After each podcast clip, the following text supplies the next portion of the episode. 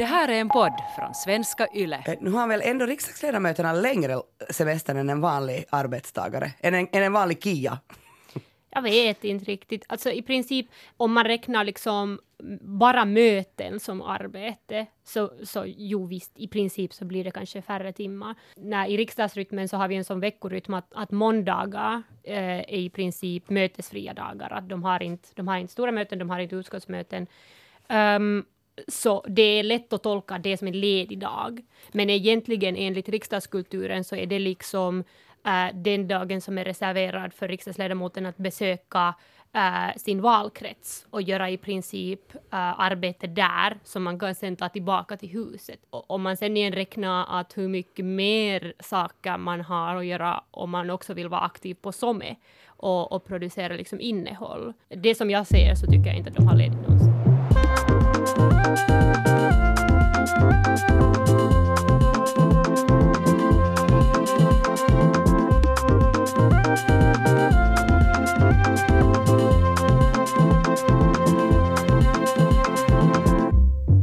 Välkommen till Sällskapet, en kulturpodd med samhällsperspektiv. Varje vecka så snackar vi om aktuella fenomen, tankar och händelser i samhället och kulturvärlden.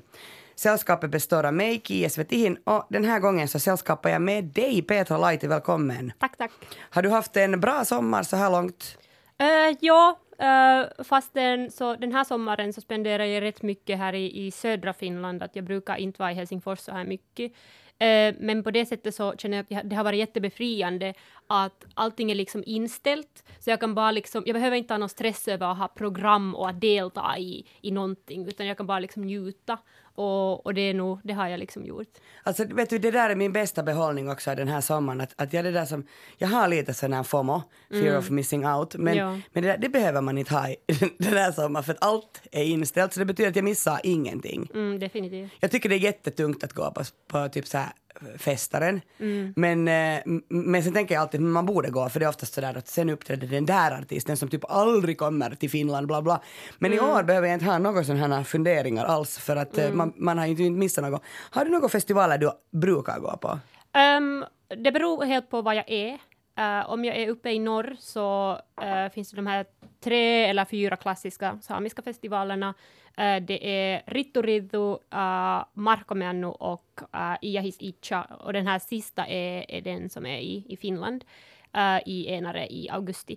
Eh, och det här är de tre bästa festerna som, som händer i, i hela världen tycker jag. Men vad, vad, vad är det för liksom, vad är det man gör?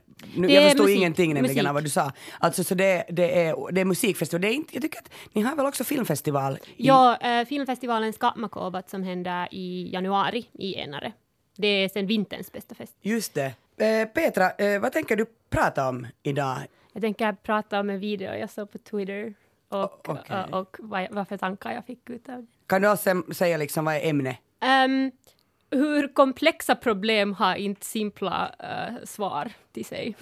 Okej, det, det öppnar inte alls upp sig.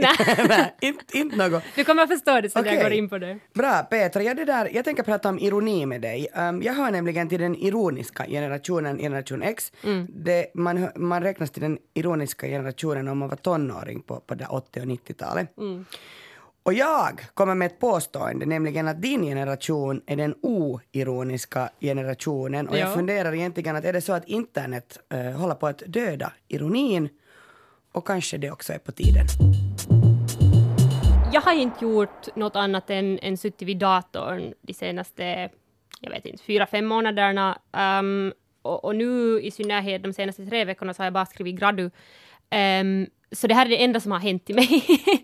uh, men, men desto viktigare är det, för jag såg nämligen en video uh, på Twitter um, som var postad av Uleåborgs stad, deras liksom officiella Twitterkonto. Och, och på den här videon uh, så kan man se, man kan se vatten, man kan se lite skog, man kan se en brygga och man kan se människor. Och, och sen så um, kan man liksom lista ut att det är Ule älv som det handlar om. Uh, jag vet inte var den är filmad, men någonstans där i, i trakten.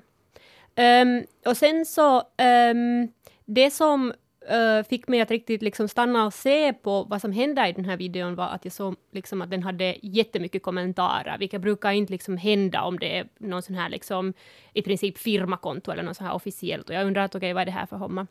Och sen så när jag, när jag ser på den här videon, så det som händer är att, att det finns ett, liksom, en, en plaströr eh, som går in i den här vattenmassan, in i älven. Uh, och så liksom finns det liksom rörelse och ljud i den här, det här röret.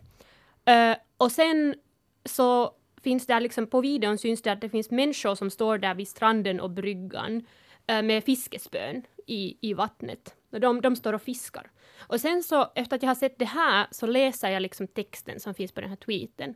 Och så förstår jag att det är, eh, det är fiskeodling som händer att de odlar regnbågslax in i älven och de här människorna står där färdigt och fiskar den där fisken som kommer ut ur det här plaströret. Är det liksom en sån där, ett bevis på hur lat människan har blivit? Att man ska odla en fisk och spruta den ut på en, på en krok liksom? Eller? No, vet du, det, var, det var det som de här kommentarerna på Twitter sa. Det låter ju helt absurt alltså. Det, det, det gjorde det. Det var också min tanke att det här är ju liksom att jag kunde inte tro vad jag, vad jag höll på att se jag vet inte, kanske det som varför jag blev att tänka på det var att uh, den här tweeten som Ulla Borgstad hade skrivit med den här videon, den var liksom i glad ton att, att redan de första midsommarfiskarna blev fångade här just nyss.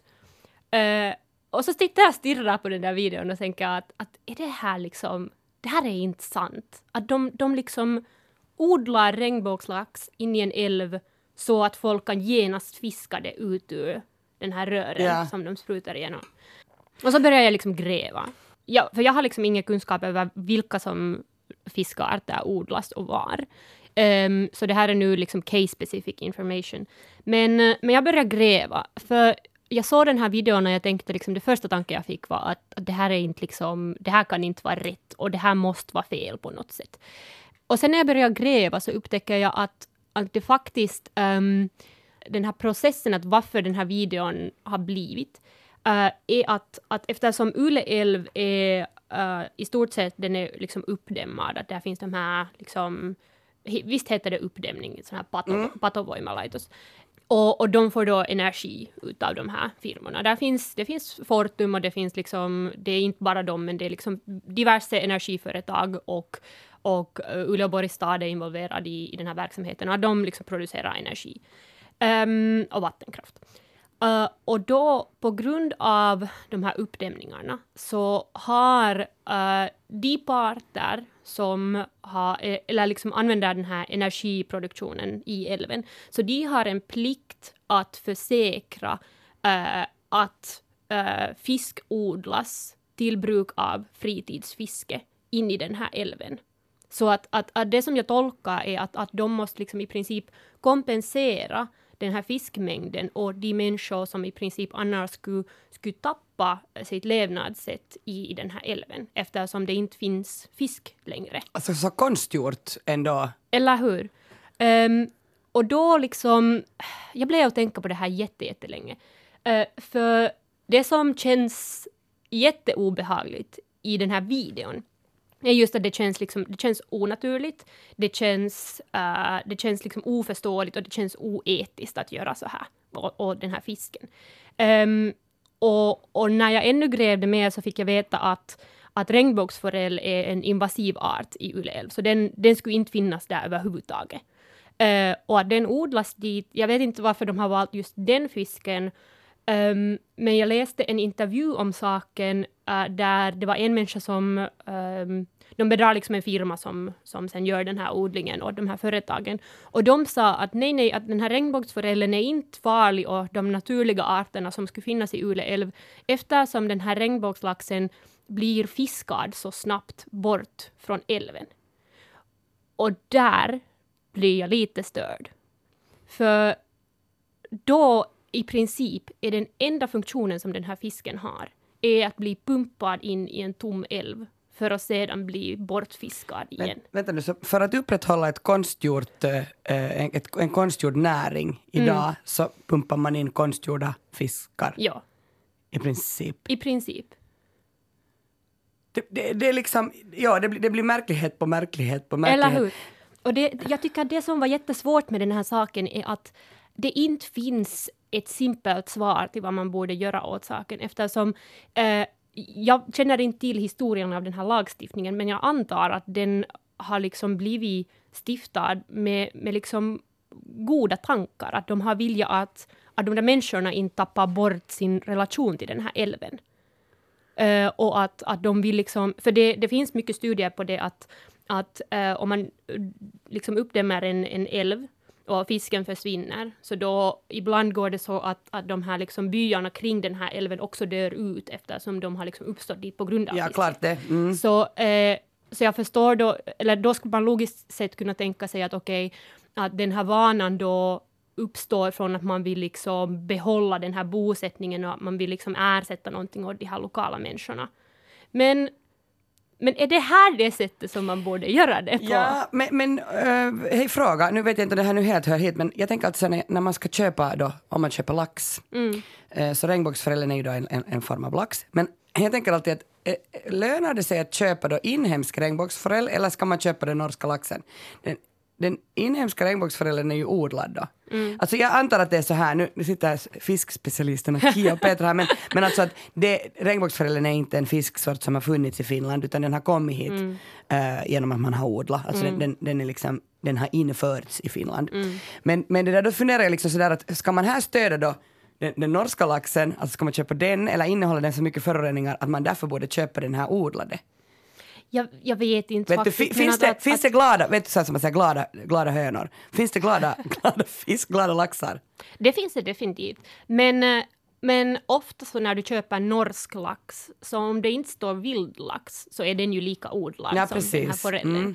Ehm, så i princip, så det som jag stöter på när jag, liksom, när jag ser på den här videon på Sommar, jag får en sån här liksom, enkel ja, nej, svartvit reaktion.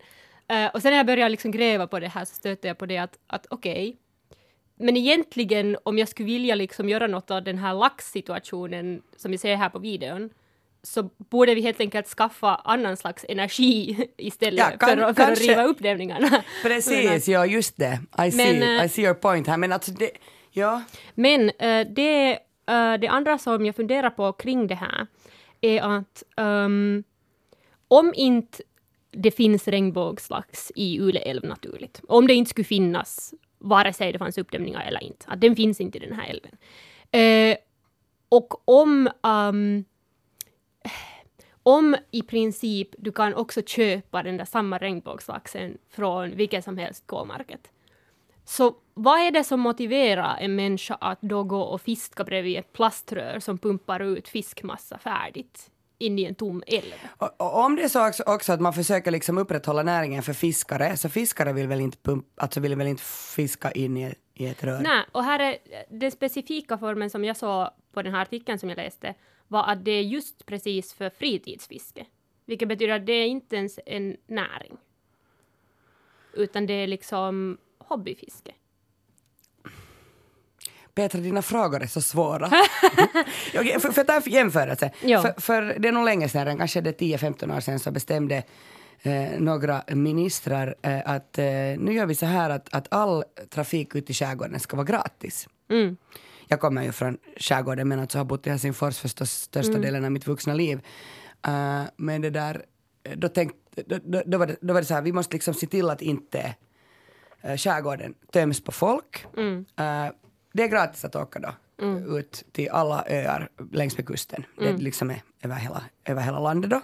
Vilket nu jag kan tycka att det är också lite konstigt för inte det är ju gratis att åka ändå till Drumsö eller liksom till någon annan ö Nej. som har trafikförbindelse. Men om du åker då båt ska det vara gratis. Och att, att upprätthålla eh, sån service är ju jättedyr. Nå, eh, I varje fall så det där så såldes det då, eh, eller ma- med, med offertrunda och det där och, och olika eh, sådana eh, båtlinjer började sen då trafikera. Ja. Men det gjorde ju att den tog bort all näring från de skärgårdsbor som redan bodde på Mhm. There de olika go. öarna Ja. och som skulle köra sina eh, taxibåtar för att så nu kom det en stor firma som gjorde jobbet och då stod liksom alla olika ministrar och klappade varandra på ryggen och var så här, titta så bra vi gjorde det. Och jag som då kommer där från skären så jag kan ju säga att det är ju inte så jättemånga skäribor som åker med, med de här gratisbåtarna utan det är nu Grankullabor och Esbobor som åker ut Mm. till sina sommarstugor. Eller inte, varför inte jag? Jag använder ju Mm. också det här. Men, men det här finns ju liksom, det är inte helt samma sak, men alltså vad är det man egentligen försöker upprätthålla? Ja, precis. Och, och det här, eh, min, min tanke kring det här, den här laxfiskningen var att, att hur på något sätt uh, damaged är människans förhållande med naturen om, om det här är liksom upplevelsen att det här är okej att göra. Eh, för, eh, that being said, vi skulle kunna tala i flera timmar om hur etiskt det är att äta kött och, och odlad fisk överhuvudtaget. Det är ju en helt annan fråga. Men, eh, men det här just med att, att det är jag, människan, som ska ha en upplevelse. Att jag nu står här vid Ule älv Och fiskar. och fiskar. Eh, och för att få den upplevelsen så kan jag bortse från att det finns en plaströr som väldigt högljutt pumpar in liksom fiskmassa in i en tom älv. Det- för det- att jag ska få den där upplevelsen. Samma tomma filis som att stå och titta på, eh, vet du, nu för tiden är det jättepopulärt, eh, populärt, eh, kanske konstigt att säga det nu mitt på sommaren, men, men att, man, att man lär sig surfa på en sån här fake-våg inne i en hall. Ja, Det är inte samma sak! det är inte alls samma sak. Jag har surfat en gång i mitt liv, det var i Mexiko. Jag var inte bra på att surfa, men jag skulle nog ändå Okej, jag kan ju inte säga så här, res alla till Mexiko, men alltså man kan åka också bara till Hangö typ och surfa, eller man kan ju surfa där det blåser. Uh, att, är, är det nu inte ändå, alltså ska man faktiskt göra det inne i en sån här hall, sådär fake? Jag har, också fake varit, surfa? jag har också varit inne i en sån där uh, fake volleybollshall där temperaturen Ja, sån där beachvolley. Ja, Ja. som temperaturen är plus 27 där inne. Och du är helt inlåst och det finns inga fönstrar men det finns sand på Ja, golvet. och så är man sådär, titta du är, nu är du liksom på någon sandstrand, du spelar beachvolley. Man Ja. bara, nej, jag är inne i en sån hall. I samma hall finns alltid också den där surfvågen. Mm. Och i samma hall finns också den där när du ska lära dig att flyga, Ja. men du är bara ett sånt rör. Ja. Okej, det här är jättekonstiga saker. Jag vet inte heller hur de här hänger ihop med, med forellen eh, eller med skärgårdstrafiken. Men på något sätt handlar det ju allting om att vi ersätter liksom Mm. verkliga upplevelser med fejkade upplevelser för att uppnå en verklighet. Om en kommunalpolitiker där nere på stans eh, renhållningsbudget och sen därefter halkar på ett bananskal så kan man se det som något ironiskt. Ser du Petra Laite det här som ironiskt eller ser du det bara som ganska sorglig olycka som hände? Uh, månne det är inte både och. Ja. Uh, Okej, jag tar ett, ett till exempel. Eh, det att eh, Boris Johnson eh, gick omkring och skakade hand med en massa människor och, och det där sa att det där med covid-19 det tror jag inte riktigt på, eller det är nu i varje fall inte så farligt och man behöver nu inte vara rädd. Och sen blev han intagen på akuten för andningsproblem. Och, och det där blev faktiskt ganska sjukt. Ser du det som ironiskt? Det är definitivt ironiskt. Okej, det kan hända nu att, att det där, min tes som heter att du är den oironiska generationen inte stämmer. Eh, men jag tänker ändå eh, berätta lite historia om Sure. ironi. Eh, vi börjar med att fundera, ironi alltså, vad är det och var uppstod den? Eh, nå, ironi kommer från grekiskan, så den är, det är ganska gammal, eh, en gammal liksom stilfigur kan man kalla det. Och det betyder alltså att man, det finns en skillnad mellan vad som sägs och vad man egentligen menar. Ehm, och den här skillnaden består ofta i att man säger alltså motsatsen till vad man menar och visar med ett tonfall och andra medel att man inte menar vad man säger. Eller att man använder de här kaninöronen som jag nu visar här i luften åt dig. Um, Uh, oironi, alltså, eller att man är oironisk, det är sen inte ett ord, vill jag påpeka, jag är ju okay. moddolärare. Jag använder Eh, det hela tiden. men, men därför att man använder det jättemycket, alltså det Ja. förekommer i, i tal och skriftspråk, men enligt Ja. Saul så, så är det inte ett, ett riktigt ord. Okej. Okej, skillnad mellan ironi och sarkasm, det här tycker jag också är intressant. Ironi går alltid, det syftar generellt på något, Mm. medan sarkasm syftar på någon. Och det betyder att när man är sarkastisk är man alltid lite elak, Mm. för då går man till personlighet. Okej.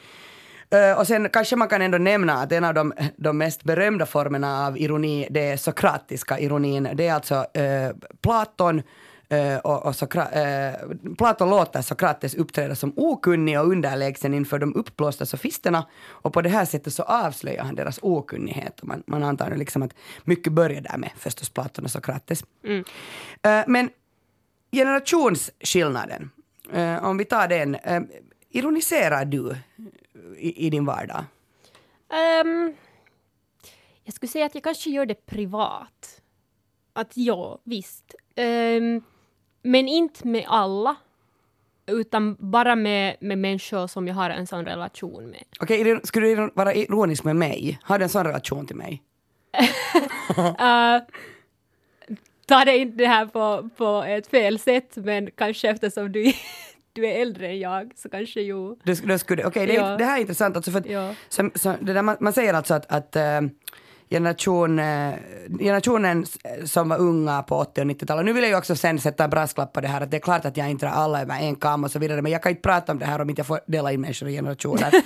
Eh, så det där, jag är alltså född 1980, Eh, så, så det där, jag hör definitivt till den ironiska generationen, eh, alltså generation X. Generation Y eh, är den som också kallas för generation snöflinga. Ja.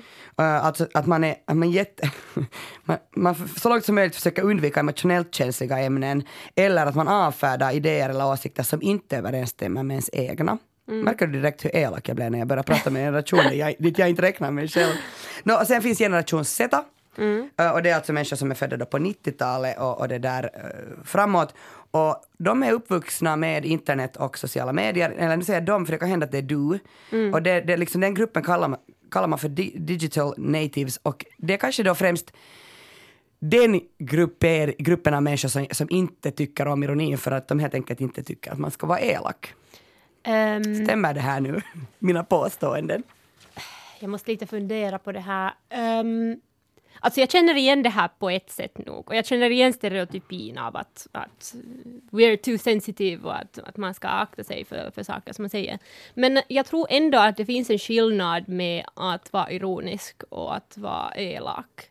Och jag tror att det är kanske den skillnaden som eh, min generation och, och framåt försöker liksom träda på att, att för ofta um, enligt liksom min, mina erfarenheter, så är det ju så att när man har försökt vara ironisk förut så händer det liksom uh, på bekostnad av någon som man kanske liksom, jag vet inte, det har liksom rasistiska undertoner eller, eller sexistiska undertoner och att man baserar den där ironin på saker som man inte ska basera det på. Um, och då, då är ju frågan det att, finns det då egentligen saker som man kan basera ironi på som inte tillhör såna här kategorier som man inte borde använda sig av? Men jag tror att det finns. Du, det finns ett ut... Äh, liksom, okej, jag vet inte om det var exakt det du menar, men det finns något som kallas för ironic lamp shading. Och ironic lamp shading betyder att man uppmärksammar en kliché som till exempel har en rasistisk karaktär, eller liksom någon, någon som beter sig rasistiskt eller homofobiskt. Alltså nu tar jag som exempel tv-serien Little Britain, Ja. som alltid liksom ironiserar över, eller ja, de använder sig mycket, man använder sig i tv-serier mycket av det här. Och det betyder liksom att publiken och karaktärerna är alla införstådda att den här personen beter sig fel och just därför så tillåts vi att skratta åt det. Men det är ju egentligen bara att göra en excuse för att vara rasistisk eller homofobisk eller misogynin, misog, misog, misogyn, eller vad man liksom nu vill vara. Okej, men ehm, Jan eh, Gradvall skrev år 1993, det här är, du hade inte ens fötts kanske då. Jag var 13 år gammal. En text i, i Nöjesguiden, och då, då liksom, så skrev han så här att, att det var det första gången han sa att det här är en generation som är, som är nu då ung, tonåring som är eh, ironisk. Och det eh, handlar egentligen om att man var för ung för 60-talet och sen ägnade man hela 80-talet åt att skämmas för 70-talet. Så när man inledde 90-talet så förträngde man det förrädiska 70-talet och, och, och då, kändes allting, då kändes allting rätt igen. Förstår du? Man förvränger liksom någonting. Nåja. Eh, Ett jättetypiskt kännetecken som jag liksom helt kan skriva under är att man, man älskar, man är besatt av trivia och älskar oviktig fakta. Eh, som till exempel har med populärkultur att göra. Att hur många Simpsons-avsnitt finns det? Hur gammal är Family Guy? Eh, alltså oviktig fakta. Ja. Ehm, Nå, men sen för några år sedan, 2017, så skrev Pelle Tamlet, som då, eh, eller som är chefredaktör för Nöjesguiden, ett svar till den här texten egentligen. eh, En, en oironisk generation och syftar då på, på generation Z. Eh, Men, men det som jag tycker var intressant i den här texten var att han intervjuade Gradvall och frågade av honom då att, att okej, att, att, hur gick det till egentligen när du skrev den här texten? Och Gradvall hade alltså blivit så här extremt uppmärksammad efter att han kom ut med den här texten att, att vi är den generonisk, genero, vi är den ironiska generationen. Och, och det där det började ringa människor från radio och tv och, och människor ville börja följa upp det här nya fenomenet, generation X. Så man måste ju komma ihåg att det fanns inte alltså internet och sånt att det spreds liksom inte sådana här trender alls på samma sätt då. Och det där, eh, så var det också någon, någon där eh, VD för ett multinationellt klädföretag, så han bar, sig alltid, bar alltid med sig den där artikeln i bakfickan på alla möten Och det här ledde till att den här eh, Gradvall blev anlitad som trendspanare åt det här företaget. Alltså förstår du att bara för att han skrev den här texten om att vi är ironiska så trodde alla att du är någon sån här trendspanare för framtiden. Eh, Nåja, men, men då säger man liksom så här att, att motsatsen upplevs nu, alltså att oironi, att man ska tolka allting superbokstavligt, det är det fenomen vi upplever nu. Men jag tror att, att jag är kanske sån också lite. Ehm, men jag tror att det handlar mycket om det här att, um, att, okay, att, att orsaken till varför ironi håller på att dö på grund av internet är för att ironi är jättesvår att, att tolka från text. Precis, för att man fattar ju inte. Nej, precis. Ehm, men också att ehm, det, här, det här är jätteintressant eftersom ironi och sarkasm har ju blivit en sån här ehm, jag vet inte vad det heter, det finns någon fancy term för det. Men en sån här som alt-right använder när de säger rasistiska och sexistiska saker. Och så går någon och säger att det där är rasistiskt eller sexistiskt. Så säger de att jag var bara ironisk. Det här är bara sarkasm. Men deras anhängare känner igen att, att vad liksom den riktiga message är.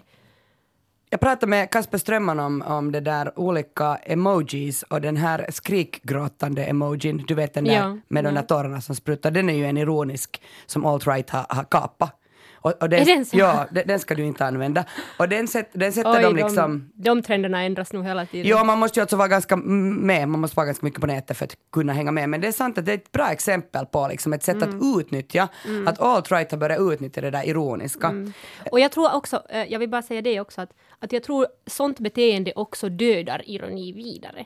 Eftersom eh, det är i princip självklart att de verkligen menar vad de säger när de är rasistiska, sexistiska och homofobiska. Eh, och sen så blir ironi bara en sån här excuse som man helt enkelt måste inte låta funka. Utan man, man måste liksom ta det seriöst, att, att det här är liksom farliga åsikter och, och våldsamma å, åsikter som, som man måste liksom reagera mot med, med den allvarligheten som de förtjänar. Eh, och då måste man ju eh, liksom börja ta allt seriöst. För att man inte kan ta den där risken att den här människan är på riktigt, ha, eller har liksom våldsamma tankar emot Man den kan, man kan istället säga så här, det är inte internet som dödar, eh, som dödar ironin, utan det är alt-right som tar livet av den nu. Jag tänker liksom när Åkesson, Jimmy Åkesson åkte till Grekland och delade ut några här löjliga flygblad, då just Ja, innan herregud. coronan började. Var, liksom, var det en ironisk gest? Han delade ju ut, ut något sånt att Sverige är fullt liksom. Nej, jag vet inte. Han- Ja, han var såhär, Så we're full, don't come to Ja, Sweden. no, han är ju faktiskt infödd i den, generon, gener, den ironiska generationen. Men, men det, där, det där som du sa om att man kan, alltså det är så svårt att uppfatta ironi.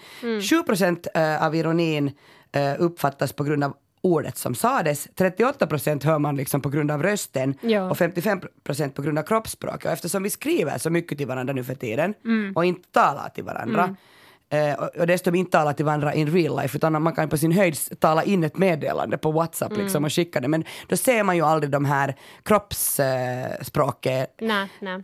Så det, det är nog alltså jätteintressant det här. Ehm, det finns en, en ny, eh, kanske det här är någonting för den här uh, ogeneration, oironiska generationen, New Sincerity, det här är ju alltså inte något nytt men det här uppstod på 80 och 90-talet som, som alltså, det är liksom, ett tar avstånd från ironin, den har alltså ju funnits länge att man vill göra ett avståndstagande. Och bland annat med den här David Foster Wallace som skrev Infinite uh, Jest 1996 så, så har man liksom, man har nästan klassat, klassat den som sån här hysterisk realism, att man vill nästan bli hysterisk. Uh, Nåja, men det där, jag har faktiskt börjat fundera, jag är alltså älskar ironi och jag är jätteofta sådär att, att att om du frågar mig om det är mm, varmt ute, att har du hett? Nej, nej, jag har det så bra här i skuggan, haha, här sitter jag. Jag vet inte, vet du att man hela Ja. tiden ska liksom Ja. ironisera över något. Men jag har liksom också börjat fundera att den där, det är lite gammalt, alltså det är lite gubbigt att, att, att jag fick ett sånt infall att, att har det blivit liksom boomer, eller har det blivit gubbigt att vara ironisk? Och det hade väl därför att vi, vi blir ju, jag är ju liksom en gubbe just nu, alltså jag, jag menar, jag, jag, ja.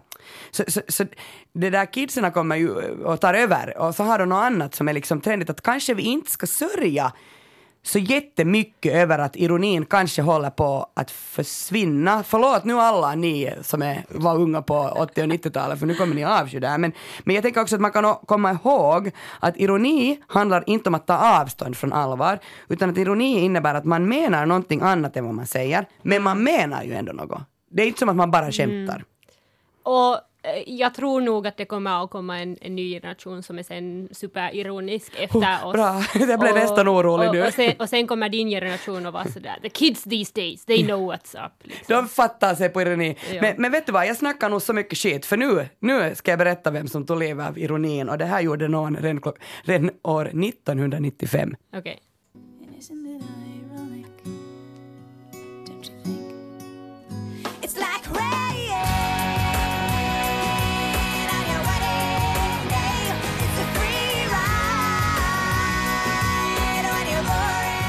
Det här är ju förstås eh, Alanis Morissette med eh, låten Isn't it ironic, don't you think?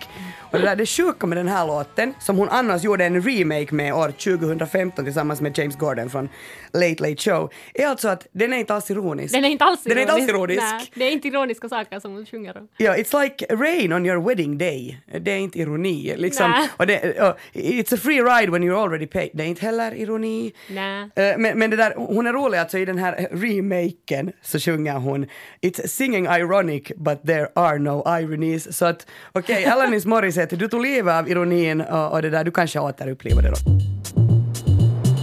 Hej! eh, vi har kommit så långt i podden att eh, vi ska dela med oss av eh, det bästa vi har upplevt. Jag säger ju så här att, att det, vi kan ge ett kulturtips varje vecka, men det kan också vara någonting som du bara inte kan släppa. Alltså det behöver inte vara så jättebra, men det är bara något du har, hela tiden tänker på. Petra Laite, vad har du tänkt på då? Black Lives Matter. Det har jag tänkt på jättemycket. Um, jag har följt med eh, den här saken i flera år, um, ända sedan det liksom... no, in, in, jag, jag vill inte säga att, att när den började, eftersom det har varit en så sån här gradual development, men då när de första uh, protestvågorna i USA hände flera, flera år sedan. Um, jag skulle aldrig ha kunnat drömma att, att den blir så stor som den är idag, men jag är riktigt, riktigt glad att den är det. Um, men ja, det är något som jag tänker på just nu som jag inte inte kan släppa. Och som ingen annan borde släppa heller.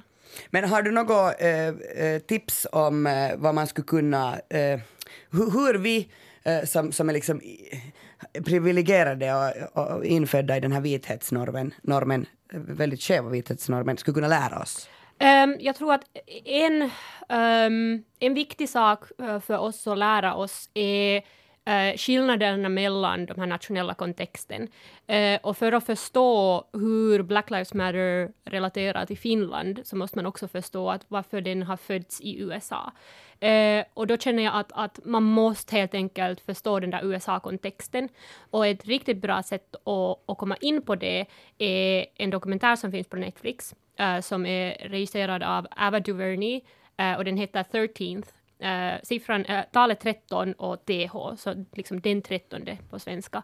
Och den handlar om hur eh, USA har liksom gått från eh, slaveri till, eh, till den här liksom mass incarceration-tiden av, av de här massfängelserna och, och hur liksom polisens och, och den svarta befolkningens liksom relation har alltid varit uh, jätte så här liksom tension-filled.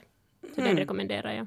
Den har faktiskt, eh, jag är mycket tacksam eh, över sådana pushnotiser. Den har dykt upp i mitt flöde många gånger. Jag har inte ännu heller sett den, men det ska jag göra. Eh, jag tänker tipsa om en bok förstås. Jag tänker att om, om Petra tar en film så tar jag en bok.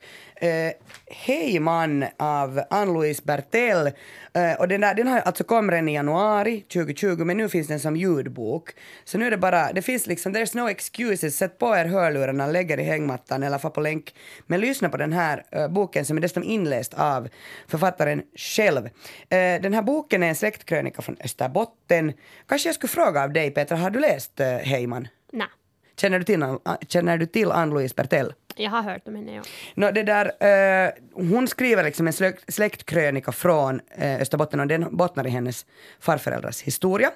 Eh, och det som är alltså så fantastiskt med att läsa Bertell är att hon skriver som en gud, alltså hennes språk är så här superträffsäkert och historien är välberättad och dessutom så har hon, eh, när hon eh, hon är expert på att skriva med sina, hon har både språklig elegans och eh, en dramatisk styrka. Hon, hon vann alltså 2016 Svenska Yles litteraturpris med Vänd om min längtan som var hennes debut. Eh, och tänk att liksom också vinna Svenska Yles litteraturpris med en debut. Men det där, där en visar hon liksom sin plats inom finlandssvensk litteratur, tycker jag. Att, att hon är liksom jätteskicklig. Vad boken handlar om behöver jag inte berätta så mycket om, men jag tänker att det som jag tycker är så superintressant, att Ann-Louise kommer från Oravais, eller numera, numera heter det Vörå tror jag så. St- Strax norr om Vasa. Nu tittar jag på dig bara för att du kommer från Enare. Du borde kunna det här. Nå, men i varje fall, eh, så eh, det handlar mycket om att, att Heyman är liksom en, en, en mystisk och mytomspunnen plats och generation efter generation har lämnat sina spår där. Men, du kommer väl från en gård också, Petra? Eh, jag vet inte om man kan säga det inte, men eh, Har du Heyman i skick? jag har inget hemmar för mig. Nej. Jag, jag, jag kan tycka, vi har inte på det sättet en, he, ett, he, eh, vi har liksom ett kara- karaktärshus där mina föräldrar bor. När jag kommer hem dit så då liksom, så snusar jag alltid sådär Ah, nu är jag hemma och så kommer alla minnena och sen så, kom, så tänker jag alltid på alla generationer som har bott där. Och, Ja, det är nog, jag, jag, jag diggar. Eh, jag måste säga det, det bästa med, med ändå uh, Ann-Louise Bertelli, att hon, hon, hon skriver så att man fängslas. Alltså, jag blir direkt fast. Det är, såna, det är böcker jag inte kan sätta undan. Till exempel, eh, det här är anslaget till Heyman. Det går inte att föreställa sig hur mycket blod det finns i en människa. Men hörni, jag säger bara, lä- läs, läs eh, Heyman eh, av Ann-Louise Bertel. Titta på 13th eh, som handlar om, om no, men kanske man säger Black Lives Matter I princip. i princip. Och eh, Petra, vet du, allting roligt tar någon gång slut, så även denna roliga stund med dig. Men vi kommer ju att träffas ändå helt snart igen. Eh, jag säger tack för det här samtalet, det var jätteroligt att prata med dig. Tack, tack. Alla referenser och hänvisningar eh, hittar ni förstås i avsnittsbeskrivningen på arenan. Och nästa vecka så hörs vi igen då sällskapar jag med Peter Alfakir. Vi hörs, hej då! Hej då!